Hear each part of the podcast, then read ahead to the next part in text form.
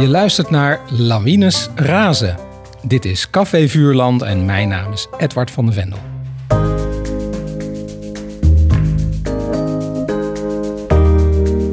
In deze podcast herlees ik klassieke kinderboeken met auteurs van nu. Hoe vers voelen die boeken nog? Wat voor auteur was er aan het werk? Dat en veel meer bespreek ik vandaag met schrijvers Tosca Mente en Sander Meij. En wij lazen elk twee deeltjes van de Chameleon-serie, die in 1948 begon en geschreven werd door Hotse de Roos.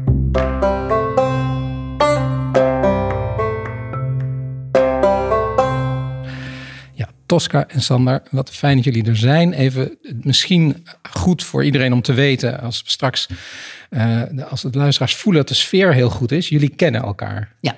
Ja, en de connectie is, Sander, dat jij redacteur was van Tosca ooit. Ja, ja bij Van Goor. Toen, uh, nou ja, dat is alweer een jaar of wat geleden. En uh, toen hebben we veel samengewerkt. Het was uh, voor mij een behoorlijke ja, leerschool. Laat ik het zo zeggen. Oké, okay. er, zijn al, er zijn al wat voorbeelden daar straks langsgekomen van de, de strengheid van Tosca.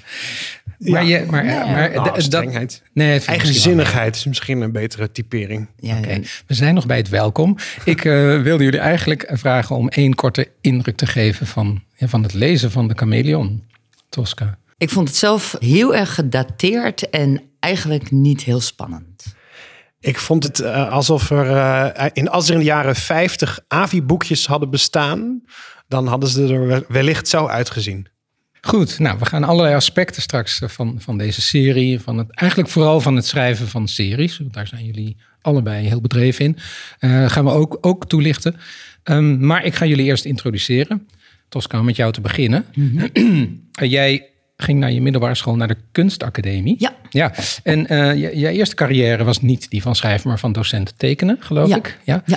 En dat heb je best uh, lang gedaan. Maar in 1999 verscheen je eerste kinderboek. Toen al, net zoals nu nog steeds bij uitgeverij Van Goor. Ja. Wat betreft ben je ja. heel trouw. Mm -hmm. Dat was Villa Mosterd en de wraak van Graaf Gruwel. Ja. En er volgde daarna een bonte, echt ruime stroom van heel vrolijke boeken. En tien jaar later, 2009, verscheen het eerste deel van Dummy de Mummy. De serie die je echt een enorme schare lezers heeft gebracht. Dat eerste deel was Dummy de Mummy en de Gouden Scarabee. Mhm. Mm -hmm. Of zeg je Scarabee? Scarabee. Scarabee. Uh, waarvan er nu, uh, van die serie, als ik goed heb geteld, elf delen zijn verschenen. Dat klopt. En de twaalfde is op komst? Ja, volgend jaar ben ik 25 jaar schrijver. En uh, dat is een goed moment om het twaalfde deel... ja, ja, wat leuk. Het laatst verschenen deel is, het is heel interessant, is een deel nul. Ja. Ja, dat heet de Dummy, de Mummy en een jonge prins in het oude Egypte. Voor die serie kreeg je echt heel erg veel nominaties en prijzen van kinderjuries. De Vlamingen waren het eerst. Ja, die. Uh, je eerste deel kreeg eerst de prijs van de uh, Vlaamse kinder- en jeugdjury. Daarna volgde in Nederland, als ik goed geteld heb, zeven nominaties en twee keer de prijs zelf. Je schreef ook in 2012 het Kinderboekenwekengeschenk. Je maakte veel voorstellingen over je boeken. En je schreef nog heel veel andere boeken en series, zoals die over Siem en Struis. Je boeken zijn ook nog succesvol verfilmd. Ja, we zijn er nog niet. Mm. En onlangs kreeg je een gouden boek van de CPMB. Dat betekent dat er van Dummy de Mummy deel 1 75.000 exemplaren zijn verkocht. Ja. Wauw. Ja. En je laatst verschenen boek is De Iglo van Tante Friet en 113 andere vijf sterren woningen van dieren. Ja. Ja. ja. Tosca, um, al een paar jaar schrijf je volgens mij steeds een, een, boek op het thema van de Kinderboekenweek. Ja, dat is eigenlijk begonnen toen ik samen met Jozua uh, uh, dat heb gedaan. Jozua Douglas. Ja. ja, precies. Ja, op een gegeven moment was die samenwerking weer klaar. En toen dacht ik, ik vind het eigenlijk ook wel leuk om dan toch nog mee door te gaan. En ik had inmiddels een nieuwe illustrator, Geert, Geert Gratema. En toen hebben we eigenlijk samen uh, de chocoladetandarts gemaakt. Dat was zo... Ja, die dat viel thema, heel goed. Welk thema was dat? Dat dan? was beroepen. Oh ja, ja. En ik dacht, er gaat een beetje gek in. Dus uh, dan doen we niet uh, allemaal beroepen die bestaan. Maar chocoladetandarts dan werkloze tandartsen die gaatjes in chocoladerepen boren. En daar hazelnoten in stoppen. En dan, nou, oké, okay, dat zijn chocoladetandartsen.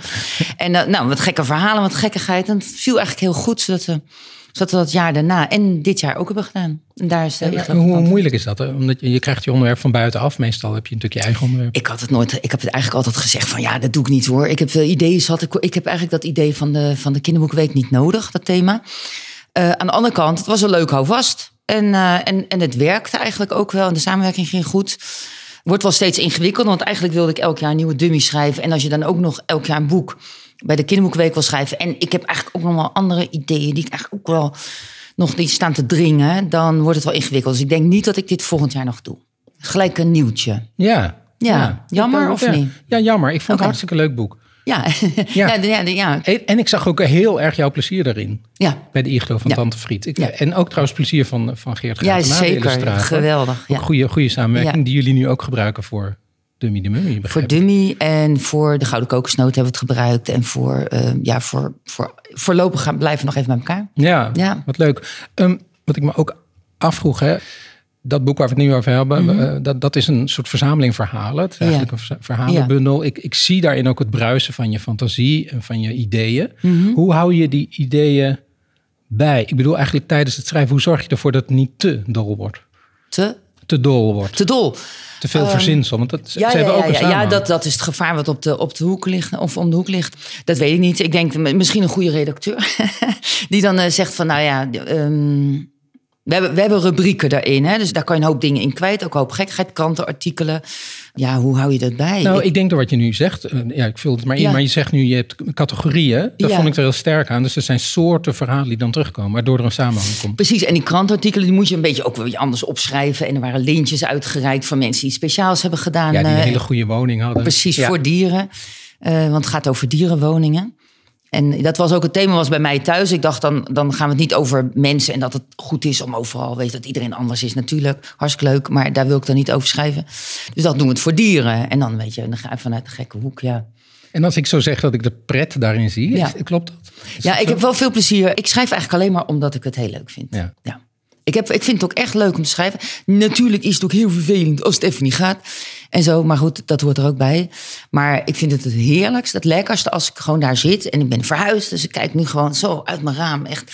En dan, en dan Ja, wat zie je uit je raam? de single van eh, de single. Oh, Ja, mo- mooi. van- dus. ja, heel mooi. Ja, in Woerden, ja. Ja, ja. ja. niet in Amsterdam. Dat dan, Nee. nee, dat is niet Ik haalbaar. denk dat die mooier is in, in de Woerden. Prachtig. Met minder prachtig. toeristen, ja. Ja, ook wel. Nee, er waren ook bootjes.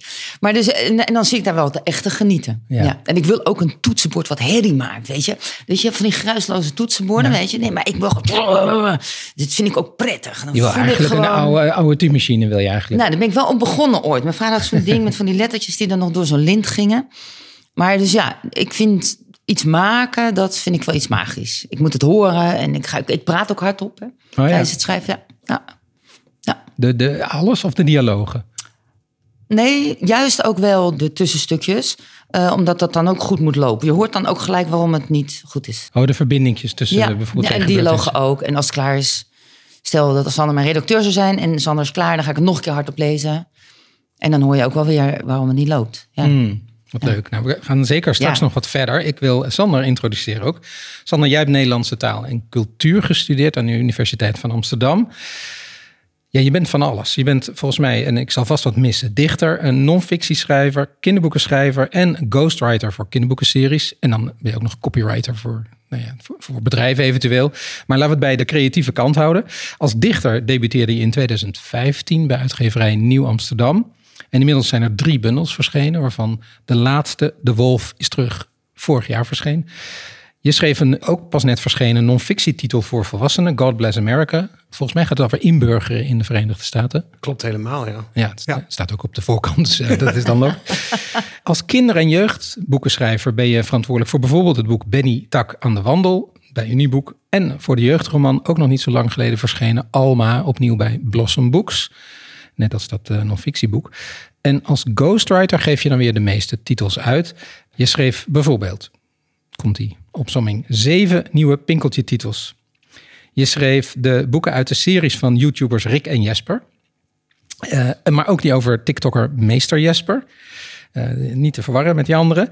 Jij schreef ook de boeken namens Nathan Rutjes, de Lavetsi-mysteries. En de meest succesvolle, namelijk intussen drie delen verschenen over Rutger en Thomas en hun hond Paco. Ja, met eh, die boeken, de eerste en de tweede, De Tijdmachine en De Magische Halsband, won je twee keer de prijs van de Nederlandse kinderjury. En ik denk dat dat met het derde deel ook wel weer zal gebeuren. ja. Laten we niet de kat op het spek binden natuurlijk. Ja. Nou ja, hele eh, eh, stomme voor de hand liggende vraag. Al die schrijversidentiteiten, wat, wat voel je je het meest? Ik ben begonnen als dichter, dus ik voel me eigenlijk het meeste dichter. Maar dat is geen. eh, dat is ook weer geen fulltime job, laat ik het zo zeggen. En het, het, het, fijne aan poëzie is dat je dat altijd wel ergens tussendoor kunt breien. Maar op de lange baan schrijf ik liever proza. Dus eh, het is fijner om je in één schrijfproject vast te bijten en daar voor langere tijd mee bezig te zijn. En als je dan soms daar even genoeg van hebt, dan schrijf ik tussendoor weer een eh, gedicht. En zit er, ik kan me voorstellen bij het schrijven van gedichten, dat als een gedicht gelukt is, je zegt ook tussendoor, hè, daar zit een kortere tijdspanne aan vast, dat je een sneller geluk voelt. Ja, dat is soms ook wel nodig als ghostwriter. Dat je ook nog iets eh, van jezelf kwijt kan qua creativiteit. Hoewel ik het, dat ghostwriter vooral doe omdat ik het leuk vind om te schrijven. Is dat toch, nou ja, het is sowieso altijd een samenwerking. Dus dan ben je ook gebonden aan bepaalde, nou je bent sowieso gebonden aan een serie. Je bent ook gebonden aan de identiteit van degene voor wie je het schrijft. Daarin leef je je helemaal in. Dus dat is, het is iets wat je, je, aan de ene kant schrijf je het zelf, maar aan de andere kant ben je het niet zelf. Maar Dus, hoe, hoe eh, werkt dat dan? Ga je, je gaat natuurlijk eerst in gesprek, neem Ja. ik aan. Ja, je gaat in gesprek en je gaat brainstormen en dan ga je nog eens brainstormen. En het verschilt per persoon. De, de ene YouTuber is de andere niet. Dus de ene heeft meer vast omlijnde ideeën van het eindresultaat dan de ander. Dus de een laat mij wat vrijer dan de ander. En eh, nou ja, dat zie je ook hopelijk eh, in het- die boeken terug. Want die zijn naar mijn gevoel totaal verschillend qua perspectief, qua opzet, qua, ja, om het maar marketingachtig te zeggen, look en feel en qua tone of voice.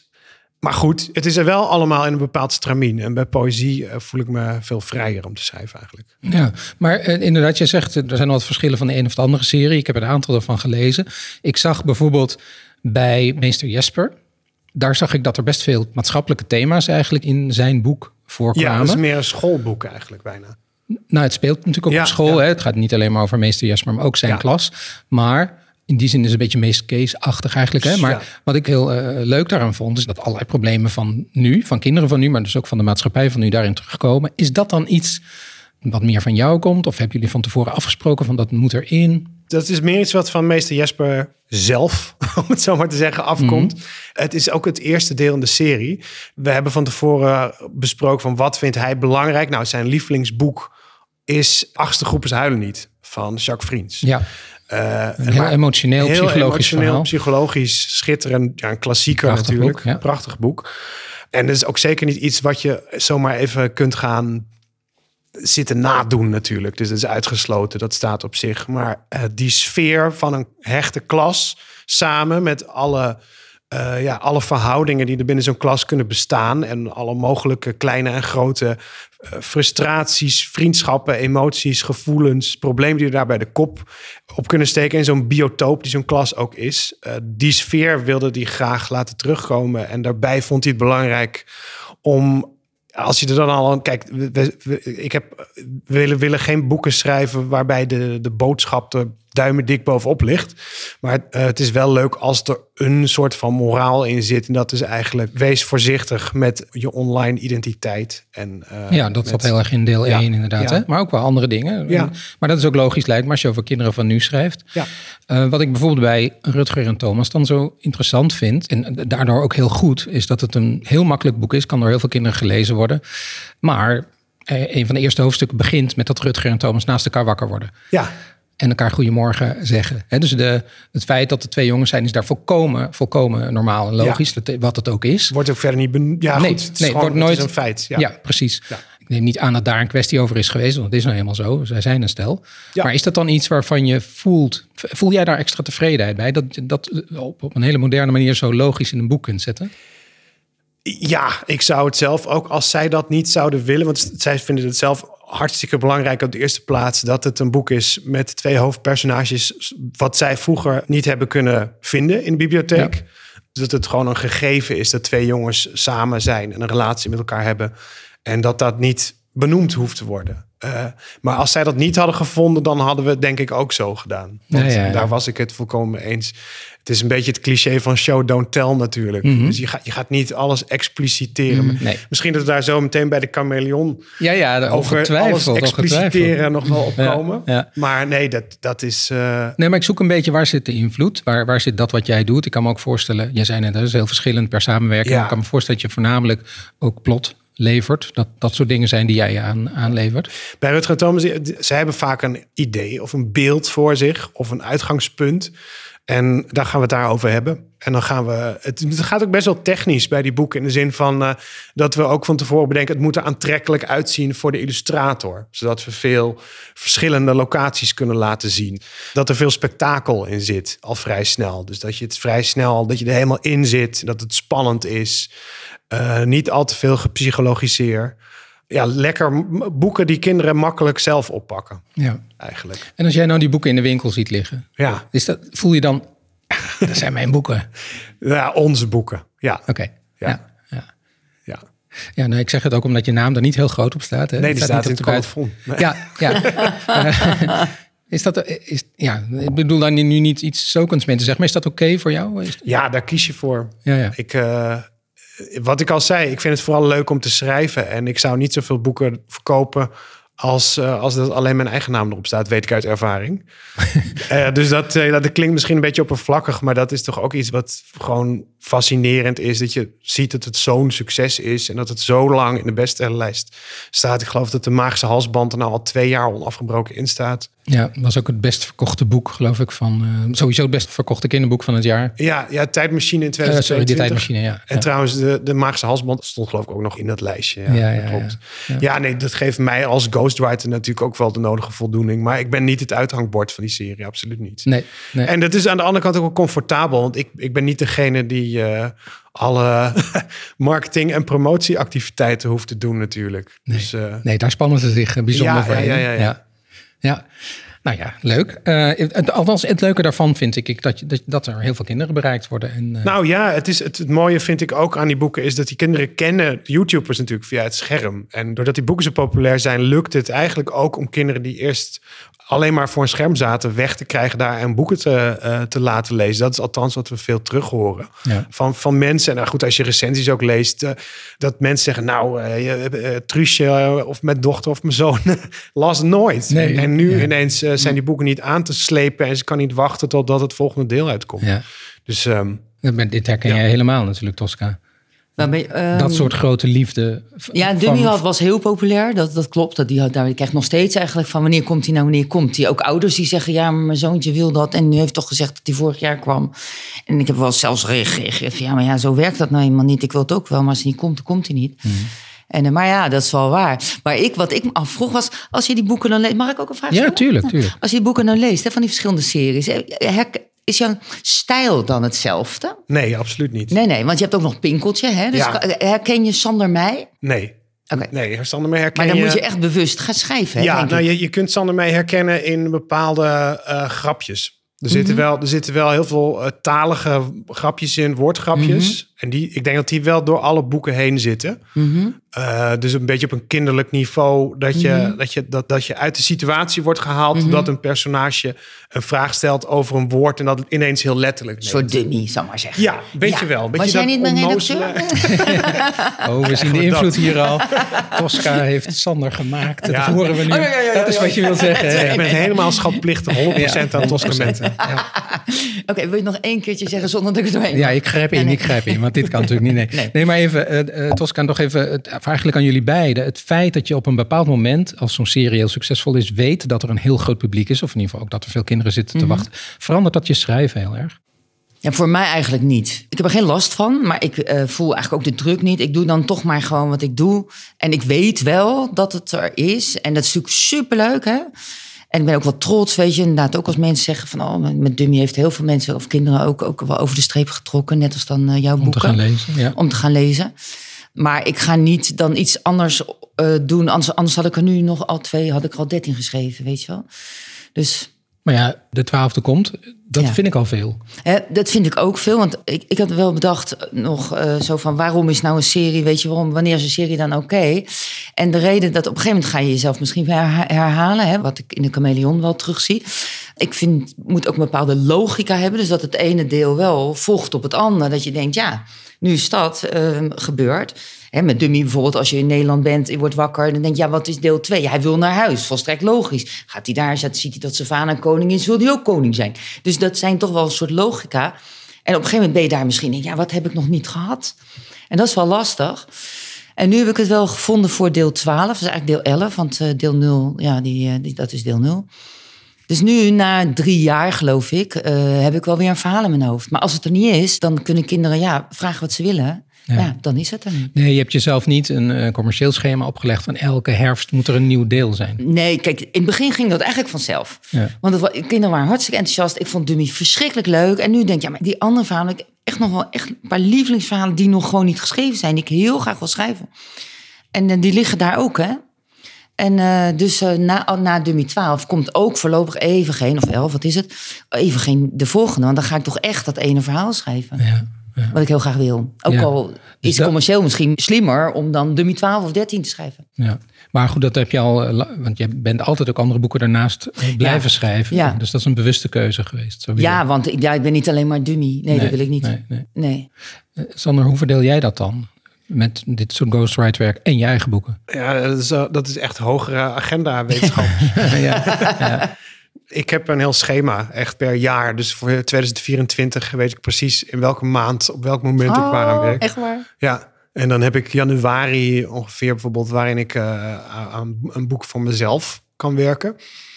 En eh, verder weet ik echt per maand welk manuscript ik moet inleveren en welk ander manuscript in welke redactiefase zit. Maar kan je dat? Want, Ja, want je moet dus leveren. ja, ik moet leveren. ja, maar je hebt het bewezen, want je bent, eh, nou ja. Ja. je bent niet voor niks voor vier, vijf series Ja. gevraagd. Ja, klopt. Dat, ja, dat moet je kunnen, inderdaad. Ja. En wanneer, wanneer kan jij dan, stel dat je bijvoorbeeld op een, je hebt veel delen van Pinkeltje geschreven. Ja, één per jaar. Ja, ik kan me dus ook voorstellen dat je ergens denkt, nou nu eh, is het weer even klaar met Pinkeltje. Kan jij dat eigenlijk, ja natuurlijk kun je dat bepalen, je kan alles bepalen. Ja, nou ja, goed. Ik kan zeggen, eh, ik, ik ben nu even klaar met Pinkeltje. Wat mij betreft zoeken jullie een andere auteur die dat wil doen. Vind ik ook prima. Ja. Ik, bedoel, ik heb de perso de, het personage en de serie Pinkeltje niet bedacht. Ik heb de eer om in de voetsporen van meneer Diklaan te treden.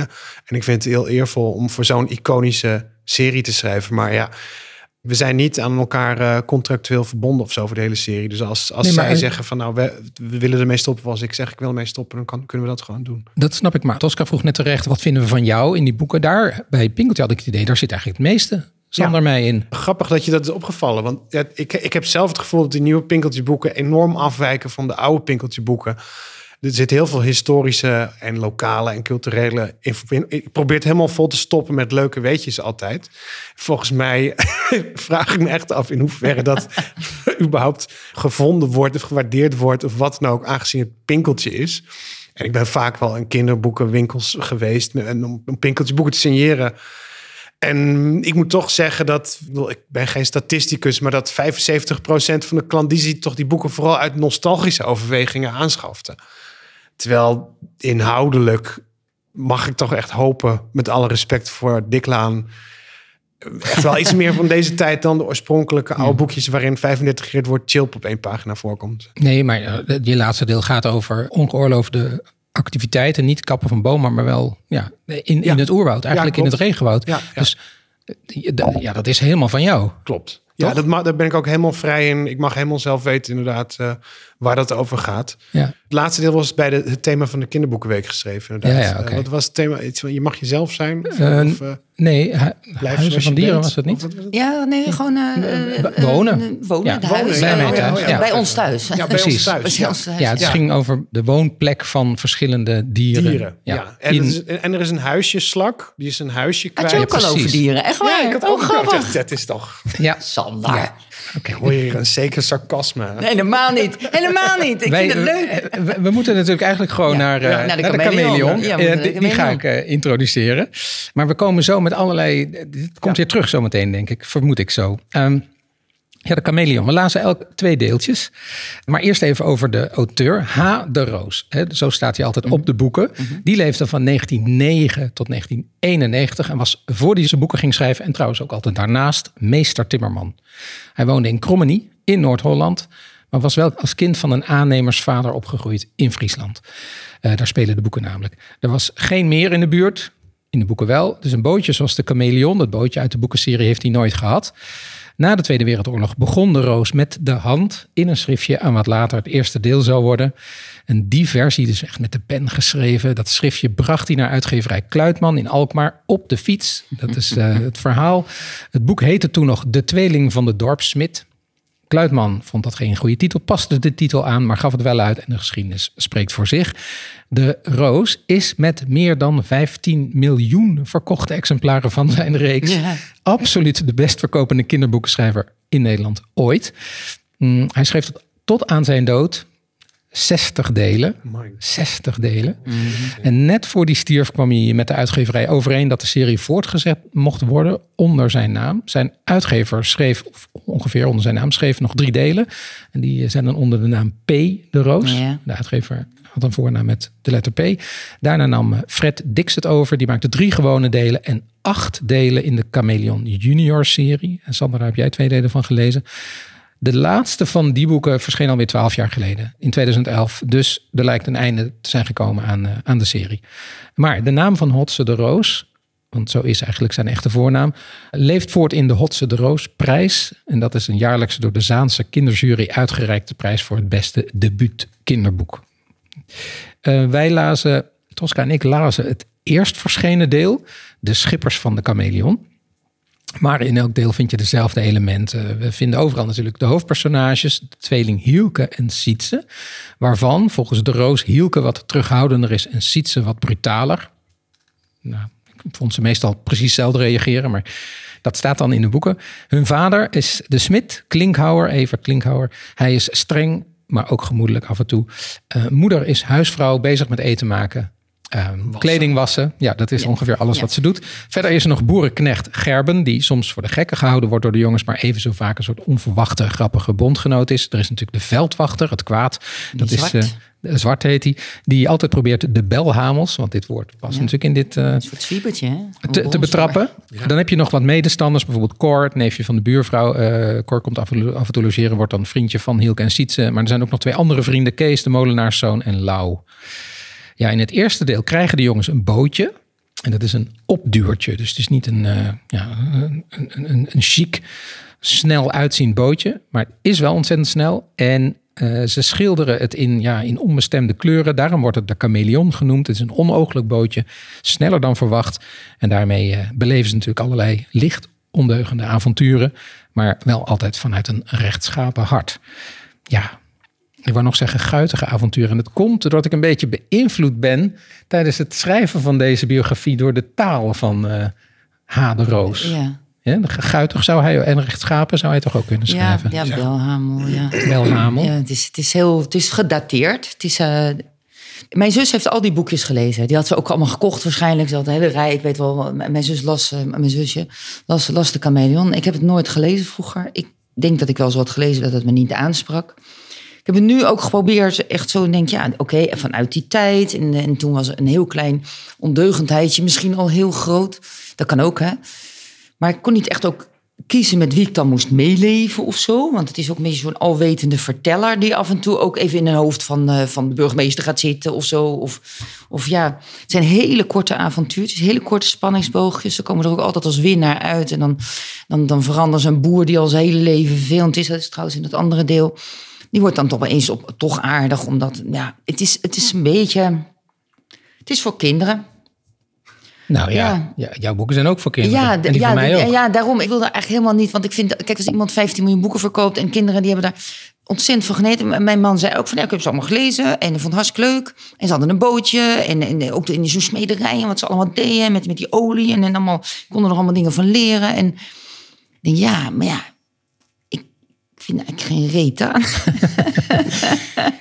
Eén één ding wat jij zei, je zei het zijn korte avontuurtjes. Dat viel me op, dat was ik totaal vergeten. Ik dacht dat er steeds één groot avontuur per boek was. Maar dat is helemaal niet waar. Het zijn eigenlijk allemaal korte hoofdstukjes. Wat dat betreft viel mij op de- dat, nou, vooral, ik heb de Schippers van de Chameleon niet helemaal gelezen. Maar het, wat ik ervan heb gelezen, is het inderdaad een beetje van de hak op de tak. Van de ene qua jongensstreek naar de andere. Dat viel me op. Dat deed me ook denken aan de eerste delen van Pinkeltje. Als je de avonturen van Pinkeltje hebt, van Pinkeltje en zijn vriendjes, er zit geen plot in. Het is echt heel klein, eh, op, nou, of op een boerenerf, of, of, of in een huis, of in een muizenholletje. Van ene dingetje, wat eigenlijk weinig zeggend is, naar het andere. Niet om nou gelijk helemaal de grond in te willen boren, maar het is heel klein, een hele kleine wereld. Ja, en ook plat, hè? Dus de personages Ja. zijn ook echt volledig plat. Dus die moeder, die wil eigenlijk, ja, het is net je zegt, die wast. En die vader, die, eh, en die burgemeester, en die buurvrouw, die is altijd, eh, Die is, die is, dat die is is gewoon een deftig. deftige vrouw. Ja, die het deftig uit de altijd stad komen wonen. En, eh, die Ja. heeft dus vooral last dat haar neefje vuile kleren krijgt. ja, dat is eigenlijk waar ja en, dan, en dat ook weer elk verhaaltje.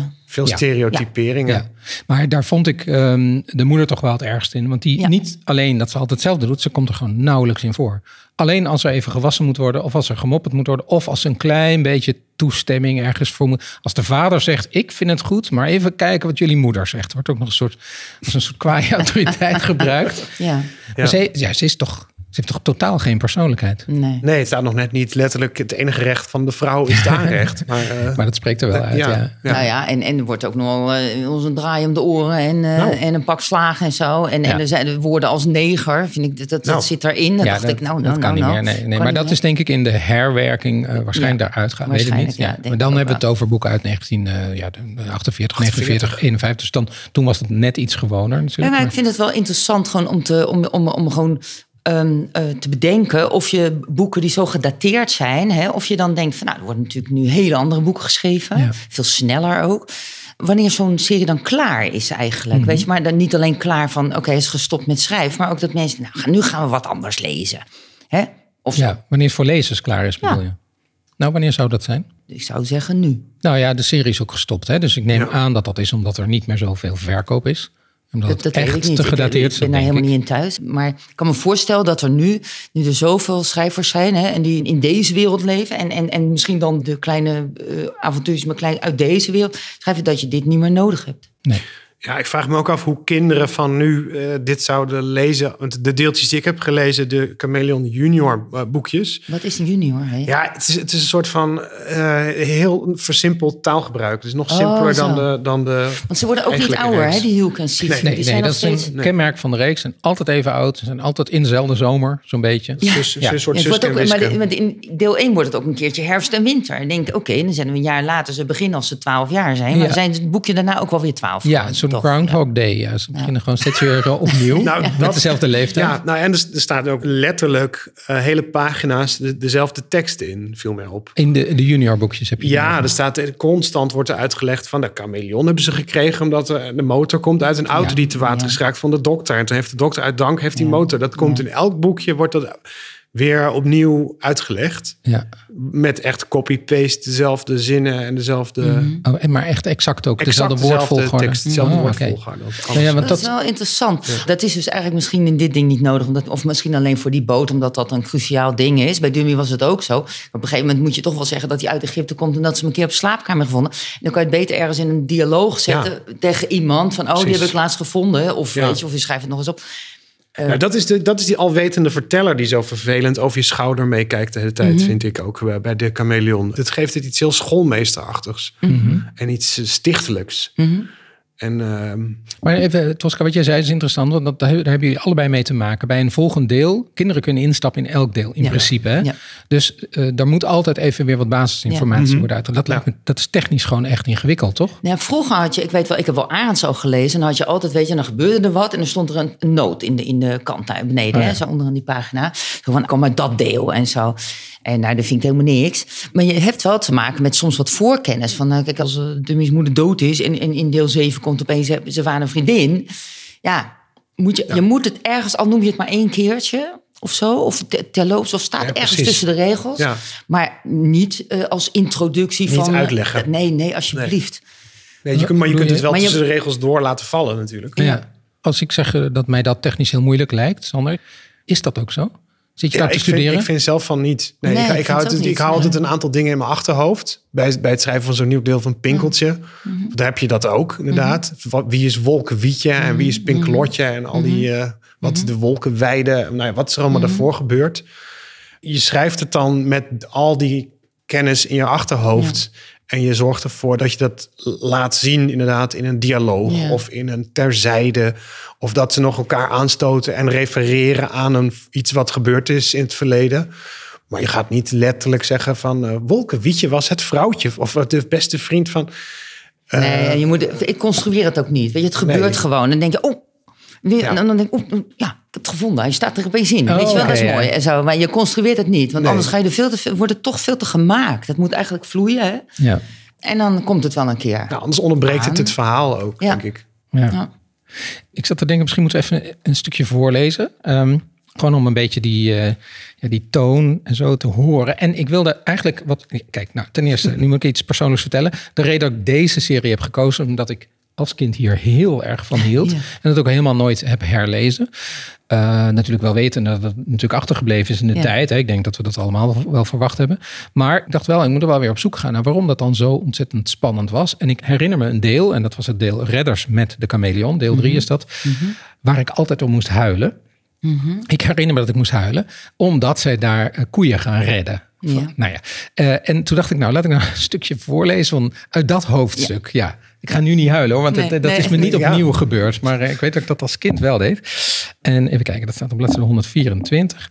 En dan moet ik even van tevoren bij uitleggen. Hielke en Sietse hebben dus een bootje. Daarmee kunnen ze soms, eh, nou ja, stoute dingen doen. Maar zeker ook hele heldhaftige dingen doen. De beginsituatie is nu, er is een eh, hele grote heftige regenval geweest. De dijken van het dorpje waar zij wonen zijn, doordat er mollengangen zijn, zijn doorbroken of doorstroomd. Dus de polder is onderstroomd, eh, overstroomd, sorry. En de chameleon gaat samen met allerlei mensen helpen. Dus zijn allemaal volwassene eh, mensen die gered moeten worden uit hun boerderij. Dat is al gebeurd. Maar dan zijn er ook nog dieren. Samen met boerenknecht Gerber gaan ze dus in hun bootje ja, over eigenlijk het land varen, want dat staat onder water. En gaan ze dieren uit de weilanden bevrijden, zodat die naar droog land kunnen vluchten. En dan krijg je nou een heel klein stukje dit. Sietse stuurde zijn boot tegen het hek dat Gerben vervolgens losmaakte. Met de peddel die de jongens altijd aan boord hadden, dreef Gerben de koeien achteruit, waarop de chameleon het hek openduwde. En dan riep Gerben, terug Sietse, want hij kon de opdringende dieren niet langer in bedwang houden. Nauwelijks lag de chameleon terzijde van het hek of de koeien waadden zo vlug ze maar konden naar de weg, waar ze niet meer zo diep in het water stonden. Besluiteloos liep de kudde hier heen en weer. Wat nu, Gerbe? vroeg Hielke. Eerst maar die twee paarden daar, besliste Gerbe. Schurend gleed de chameleon over het prikkeldraad waarmee de weilanden waren afgebakend en stopte dan bij een hek waarachter twee zwarte Friese paarden tot hun borst in het water stonden. De dieren hinnikten van blijdschap toen Gerben het hek openmaakte. En daarna gingen de redders gauw naar de koeien op de weg. Het touw waarmee het hek was vastgebonden nam Gerben mee. Sietse stuurde de boot terug naar de ondergelopen weg en dan maakte Gerben het touw vast aan de horens van een koe. Zo Sietse zei die vaar nu precies boven de weg langs, dan trekken we deze koe mee. Gerben ging achter in de chameleon staan en hield het touw stevig vast. De koe moest nu, of ze wilde of niet, de chameleon volgen. En wat Gerben wel verwacht had, gebeurde. Al de koeien sloten zich netjes in een rij achter hen aan en zo trok de karavaan over de ondergelopen weg naar de andere kant van de polder. Het gaat prachtig, juichten de jongens. Dat ze reeds drijfnat geregend waren, daaraan dachten ze niet. Ze waren vol ijver. Gerben hield het touw goed vast, terwijl Sietse ervoor zorgde dat de boot niet te snel voer, want de koeien konden in het water slechts langzaam vooruitkomen. Klinkhamer had ook een hek geopend, waarachter vele koeien stonden te dringen. Ook deze kudde sloot zich achter de chameleon aan. Intussen kwamen er meer pramen in de polder en overal ging men de hekken openmaken, zodat er steeds meer koeien, paarden en schapen op de weg kwamen. En terwijl Gerben en de jongens steeds luid koei, koei riepen, gingen alle dieren met hen mee. Zo naderden ze met een grote kudde de veilige wal. Ja, het was precies dit stuk waar ik om moest huilen. Dus niet zozeer al een eerder stuk waarin een varken zo net met zijn, eh, met zijn snuitje boven het water steekt, maar die kudde, die hele, ja, die, die, die rij daar weglopend. Bijbelse proporties. Ja, ja, inderdaad. Nou goed, even, even los van mijn sentiment, maar eerst even over de taal. ja, vol ijver. Hmm. Waren er nog meer woorden die jullie... En dan is En dan? Ja, en dan, en niet- en dan. niet en toen. En toen, maar steeds aan dan. Ja. Nou, wat- is dat ooit... Ik weet dat Wim Hofman, eh, de grote schrijver Wim Hofman... ook heel lang altijd alleen maar het woord dan gebruikte. Ik zit bijna te denken dat een redacteur ooit heeft gezegd, wat ze ook tegen jou hebben gezegd, weet ik, Tosca, dat je niet te vaak het woordje en toen, dat je niet mag zeggen en toen. En dus dat, eh, ja, maar nu is er heel veel en dan. Ja, dus nu dat, dat Hotse dan heeft bedacht, eh, Dan doen we en dan. Dan doen we en dan. Dan en Ja. Ja. Maar het, ge- het geeft het aan de andere kant wel een mooi eh, ritme in dit fragment. Ja. Dit heeft wel, eh, ik zag een soort ark van Noach-achtige Ja. eh, beelden riep het op. Van, ik vroeg me ook af, is dit deel toevallig uit 1953 of 54? Nee, daarvoor. het- daarvoor, daarvoor nog. Ja, Oh. ik geloof 49. Of een, nou, misschien 50. Ja. Nee, dus niet als reactie op de, op de watersnoodramp geschreven. Ehm, er is ook hier weer natuurlijk heel veel expliciet de hele tijd. Dus niet alleen zien we de beelden. Ik vind zelf, moet ik eerlijk zeggen, dat beeld nog steeds wel mooi hoor. Van Ja. die koeien die daar lopen. Ja. En zo vond ik ook, om, om toch iets positiefs te zeggen, ik had wel plezier in het lezen van die echte ambachtelijke dingen. Dus bijvoorbeeld in de beschrijving van de smidsen. Dat kan ik me voorstellen. En dat is wat Kees ook zei. Maar wat, wat zijn herinnering was echt dat hij Ja, dacht van... oh, die smits en die paarden. En, en, en, en hoe, hoe moet je dan die spijkers erin slaan en die hoeven. En zo'n paard wat in zo'n klem zat. En dan het woord van die klem. Ik ben het alweer vergeten. eh, Ja, een, eh, kalle- een- kalle- een- kalle- g- g- een tussen. Nou, Dit oké. gaan we opzoeken. Nee, iets met eieren of zo.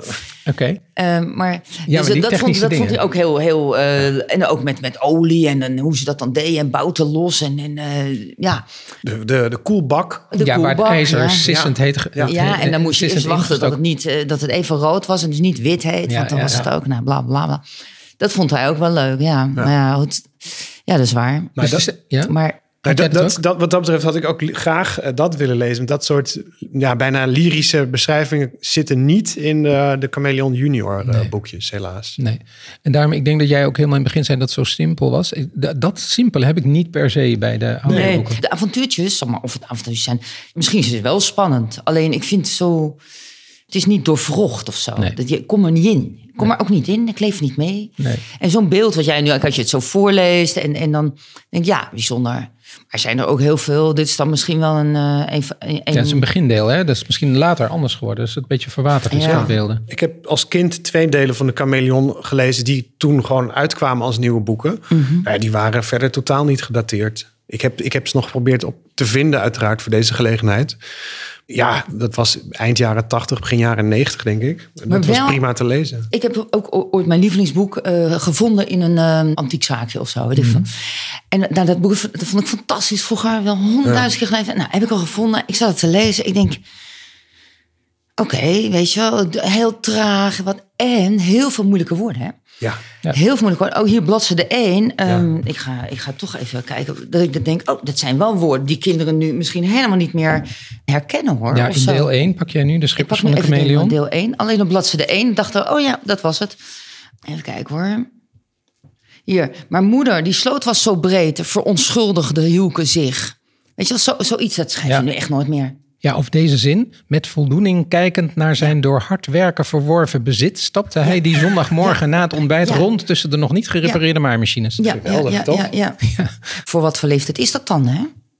Dat kunnen kinderen van 7 of 8 jaar nu niet Nee, maar dit kon denk ik in die tijd. Konden kon de kinderen dat wel aan. Ik weet van mijn eigen kind en van mezelf, wat ik las als kind. Mijn, mijn lievelingsboek was altijd De Tuinen van Door van Paul Biegel. Mhm.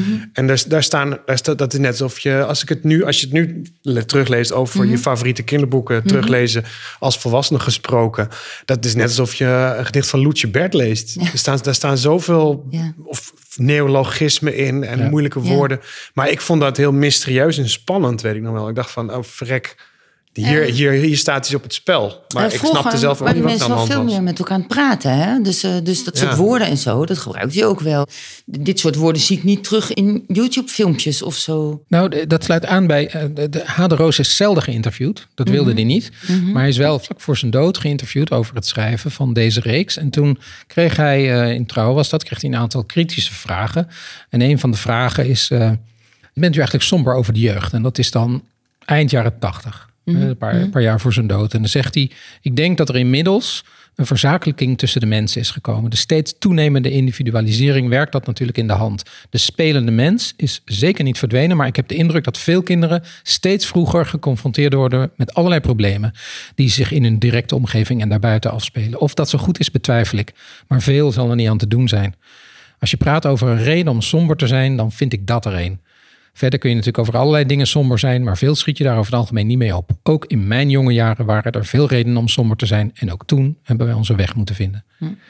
Ik probeer eigenlijk deze serie en vooral de, de, de, de populariteit van de serie te plaatsen in die jaren. In, in, waarom is dat in de jaren 50, 60, 70, 80 dan zo populair geweest en waarom kan dat nu echt niet meer? Is dat omdat er gewoon veel meer problemen op kinderen afkomen nu? Ja, dat weet ik niet. Uh, in deze boekjes zijn er twee jongens die een beetje stout zijn. En er wordt eigenlijk wel er wordt een hele serie over geschreven. Hè? Dus het worden ook een beetje twee helden of zo.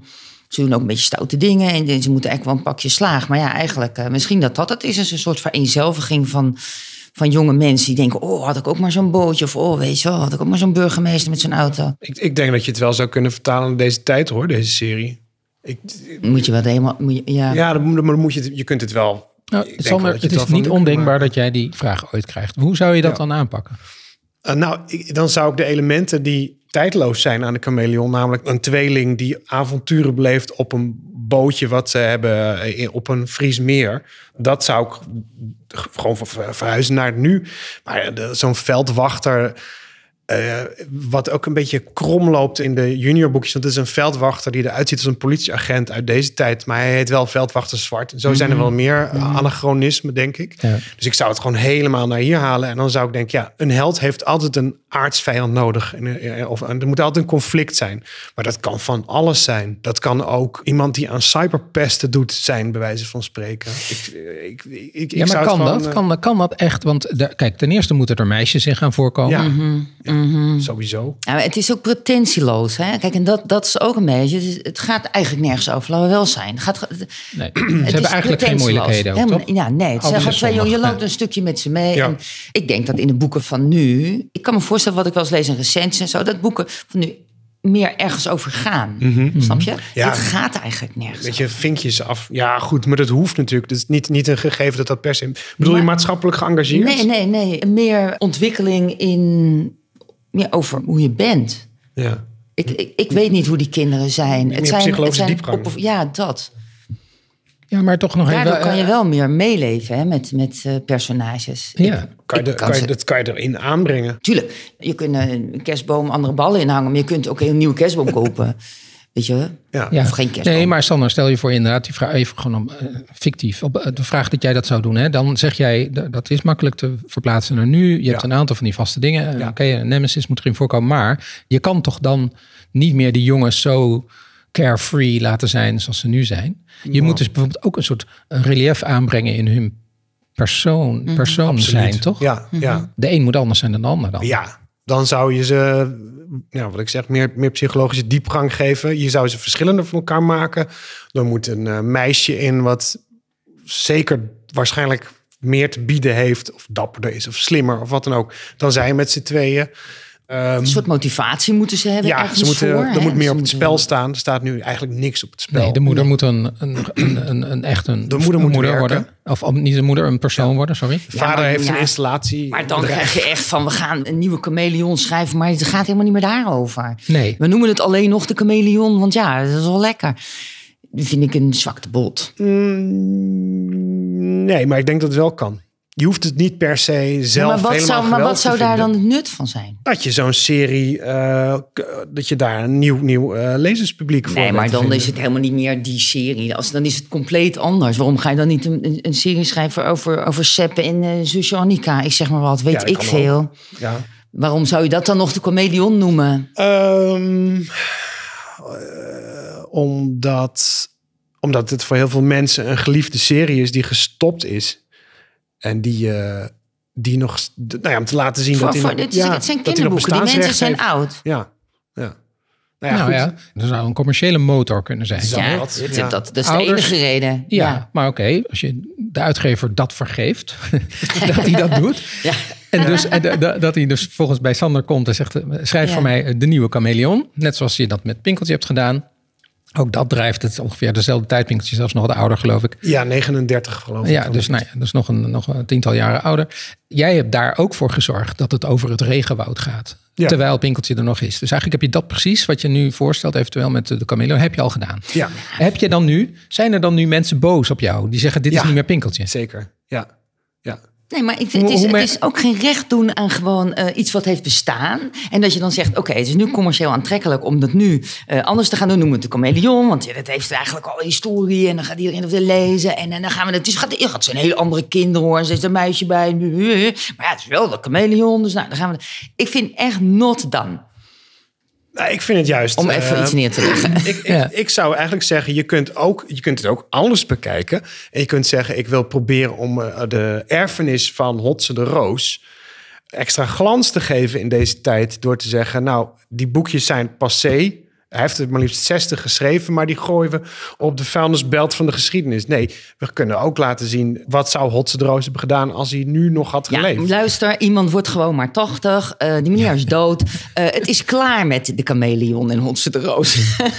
Ja. ik vind dat echt. Ja, maar dat zou je dus ook van Pinkeltje kunnen zeggen. Nou, Meneer Dick Laan nee, is er ook al heel lang niet Sander meer. en ik hebben dat gesprek al lang gehad. Ik weet wat Tosca daarvan vindt. Ja, nee, maar dat zijn dus meer mensen die dat vinden. Je krijgt mails. Nee, maar ik heb, niet, eh, niet ja, nee. boos bedoeld, hè? Maar ik vind, wij hebben daar grapjes over, Ja, toch? zeker. Ja. ja. Nee, maar ik vind wel, het is wel een, een heel interessant punt. Er zijn dus mensen die brieven schrijven naar de uitgeverij.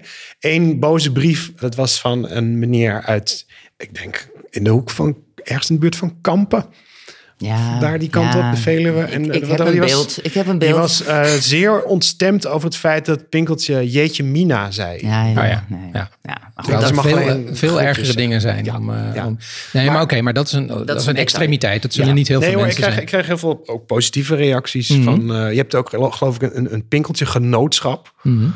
Echt waar. En, eh, Ja, kom op. Nee, ik vind het gewoon sneu. Ja, serieus. Ik vind, ik, waar ik kom, zou ik altijd... Jongens, ga nou niet meer Jip en Janneke kopen. Doe het gewoon niet. Het is klaar. Er zijn zoveel schrijvers nu die echt veel eh, modernere boeken schrijven. Leukere, veel met, met hele andere dingetjes. Dan gaan we... Ik ken iemand die leest dat voor in de klas. Nou, dat is een flik. En dan, noem ik het, eh, noem, dan ga ik het veranderen in een chocolaatje. Hè, want dan weten niet wat een flik is. En denk je, of koop een ander boek. Ja. Het is ook een keer klaar. Ja. Nee, maar daar ben ik helemaal met je eens. Eh, dat vind ik ook. Maar ik denk, dat als er dan nog pinkeltjeboeken worden gekocht, laat het dan in godsnaam de versie van Ja, zijn. met Jeetje Mina erin. Nou, en met het regenwoud erin. Ja, zeker. Ja, maar dat ben ik wel met je. Maar je hebt daar pinkeltje niet voor nodig. Want je bent. Kijk, het enige wat, waar je pinkeltje voor nodig hebt, is dat je al een soort publiek hebt. Wat het sowieso dan. kan- het is wat makkelijker. Hè, Ja. De boeken zijn geel, zien er allemaal zo uit. Hey, pinkeltje, Ja. pink, een pinkeltje. Ja, Nou, klopt. Ja, en Pinkeltje ging al naar Madurodam en naar Artis. Dus waarom gaat Ja. hij niet ook naar Diergaarde Blijdorp of naar Texel? tuurlijk. Maar ja, dat komt omdat Dick Laan dood is. Ja. Daarom gaat hij daar niet meer naartoe. Stel nou als ik dood ga iemand gaat dan denken... ah, die dummy die liep wel aardig. Die gaat een nieuwe dummy schrijven. Nou, hij kan het er niet zo zijn. Ja, dat weet ik niet. Ik- Dus er zijn al heel veel eh, mensen voor mij geweest die ook al Dick Laan hebben in de voetsporen van Dick Ja, ik, ben, ik, ben niet, eh, ik vind eh, heel goed wat je doet hoor. ja, dat, dus is, dat je- is helemaal niet. Maar daar gaat het niet om. Het gaat natuurlijk om de vraag of je dit moet willen. Ja. Ja. Zo'n soort vraag is er ook wel aan, ook in dat interview weer, aan de schrijver van de Chameleon geweest, aan Hotse de Roos. En ook nog wel met bezwaren, zo van ja, maar waarom zit er geen beet in? Waarom zit er geen gevaar, geen echt gevaar in? En daar reageerde hij, en dat sluit een heel klein beetje hier misschien mee aan, door dit te zeggen. Een beetje geprikkeld was. Hielke en Sietse hebben eigenlijk zelden grote moeilijkheden, omdat het de helden zijn, zei hij. Is het nodig dat er in het soort boeken zoals de Chameleon wordt gehuild? Ik zie daar de reden niet toe. Door sommige figuren wordt wel degelijk gehuild als zij in bepaalde situaties zitten, maar niet door Hielke en Sietse. Staat er ergens geschreven dat huilen zou moeten? Dat mijn boeken een sfeer uitstralen waarin zorgen geen duidelijke rol spelen, is puur een keuze geweest. Ik wilde boeken schrijven die de jeugd met plezier zouden kunnen lezen. Avonturen vermengd met humor. En dan, hier komt de zin, dat dat idee succes heeft gehad, is dacht ik wel gebleken. Maar dat zou je dus ook kunnen zeggen van ja, de voortzetting van het Pinkeltje. We kunnen wel allemaal dingen zeggen nu, maar dat die boeken dus nog steeds gekocht worden. Dat blijkt toch? Ja, maar dat blijkt wel. Maar waarom zou je daar dan iemand die dus al is overleden... waarom zou je dan eh, moeten zeggen... nou, dan gaat iemand anders daarmee door? Dat En er je heel moet gewoon groot zelf iets dat, er- dat op de eerste plaats, het klinkt misschien cynisch, maar er is een vrij groot publiek voor. Ik wil niet zeggen dat al die Pinkeltje boeken zo eh, ontzettend supergoed verkopen, maar sommige delen wel. En er zijn heel veel mensen die echt erop zitten te wachten, blijkbaar. Mhm. Eh, Maar zouden ze dan ook niet zitten te wachten op een boek wat, eh, wat Frummeltje heet of zo? Nou ja, ik heb het uitgeprobeerd natuurlijk, ook met kinderboeken Mhm. onder mijn eigen naam. Ja, die doen het volgens mij niet zo goed als de Maar Pinkeltje Sander, jij kan schrijven, hè? dus jij kan goede Pinkeltje boeken schrijven. Dus het betekent Doe dat ook. mensen het eigenlijk alleen maar kopen omdat er Pinkeltje op staat. Hè? En als er dus de takjes op staat of weet ik veel wat, hè? Want, Mhm. eh, dan, dan kopen mensen het niet. Dus ze kopen het omdat er Pinkeltje op staat. Ja. Ja, maar- goed, wij hebben samen een discussie gehad. Ja, maar Ik- dat is toch hetzelfde als dat er mensen kopen boeken omdat Rutger en Thomas erop staat. Of Ja. Rick en Jesper. Dat is Ja. toch de reden? Dat is waar. Maar dan is het toch heel tof dat het goede boeken zijn. ja, maar Althans, Rutger en Thomas leven nog in ieder geval. ja, Dat is toch een verschil. Oké. dus daar, daar, jij zegt daar houdt het op. Dus, Ja, vind ik wel. Ja, maar het feit dat er een boekenserie komt van Rutger en Thomas, behalve dat zij dat heel leuk vinden, dat er een serie is, is natuurlijk ook omdat er publiek voor is. Dat is ook een commercieel begin. tuurlijk. Zeker, maar in het begin zei je ook van we gaan, we gaan dan zitten met elkaar, we gaan kijken wat moet erin, wat vinden wij belangrijk, weet je wel. En, dus, dus, en jij geeft daar, een, een, eh, eh, geef je daar letters aan hè, en woorden. Dus die vul- maar goed, zij zijn nog wel, ook op de achtergrond, nog aanwezig. Maar nu ben je gewoon bezig met een concept. Ja, net als eh, Walt Disney of eh, Willy Ja. van der Steen. Of, eh, Ja, nou ja, Ja, ik begrijp helemaal je argument. Ik vind het ook grotendeels, maar ik ben dan toch gelukkig. Dus ik ken Rutger en Thomas helemaal niet persoonlijk, maar ik neem maar aan dat zij niet zo goed kunnen schrijven als Sander. Dus ik ben dan blij dat Sander die boeken schrijft. Zeker. En niet zoals zoveel beroemde Nederlanders die het zelf maar gaan proberen en een verschrikkelijk boek. ben ik, ben ik heel met je eens. Maar goed, nogmaals, zij leven nog. Ja, ja, oké. Snap je? Dus dat is wel een soort harde grens, toch? Als je Ja. dood bent, kun je niet meer schrijven. Nee, maar dus als een uitgeverij, of het nou de, de auteur of de uitgever is, ja, er zit beide natuurlijk een soort geldidee achter. Maar als, als de uitgeverij bedenkt, ja, er is nog behoefte aan pinkeltjeboeken, er is een pinkeltjegenootschap, die willen heel graag dat die serie wordt voortgezet.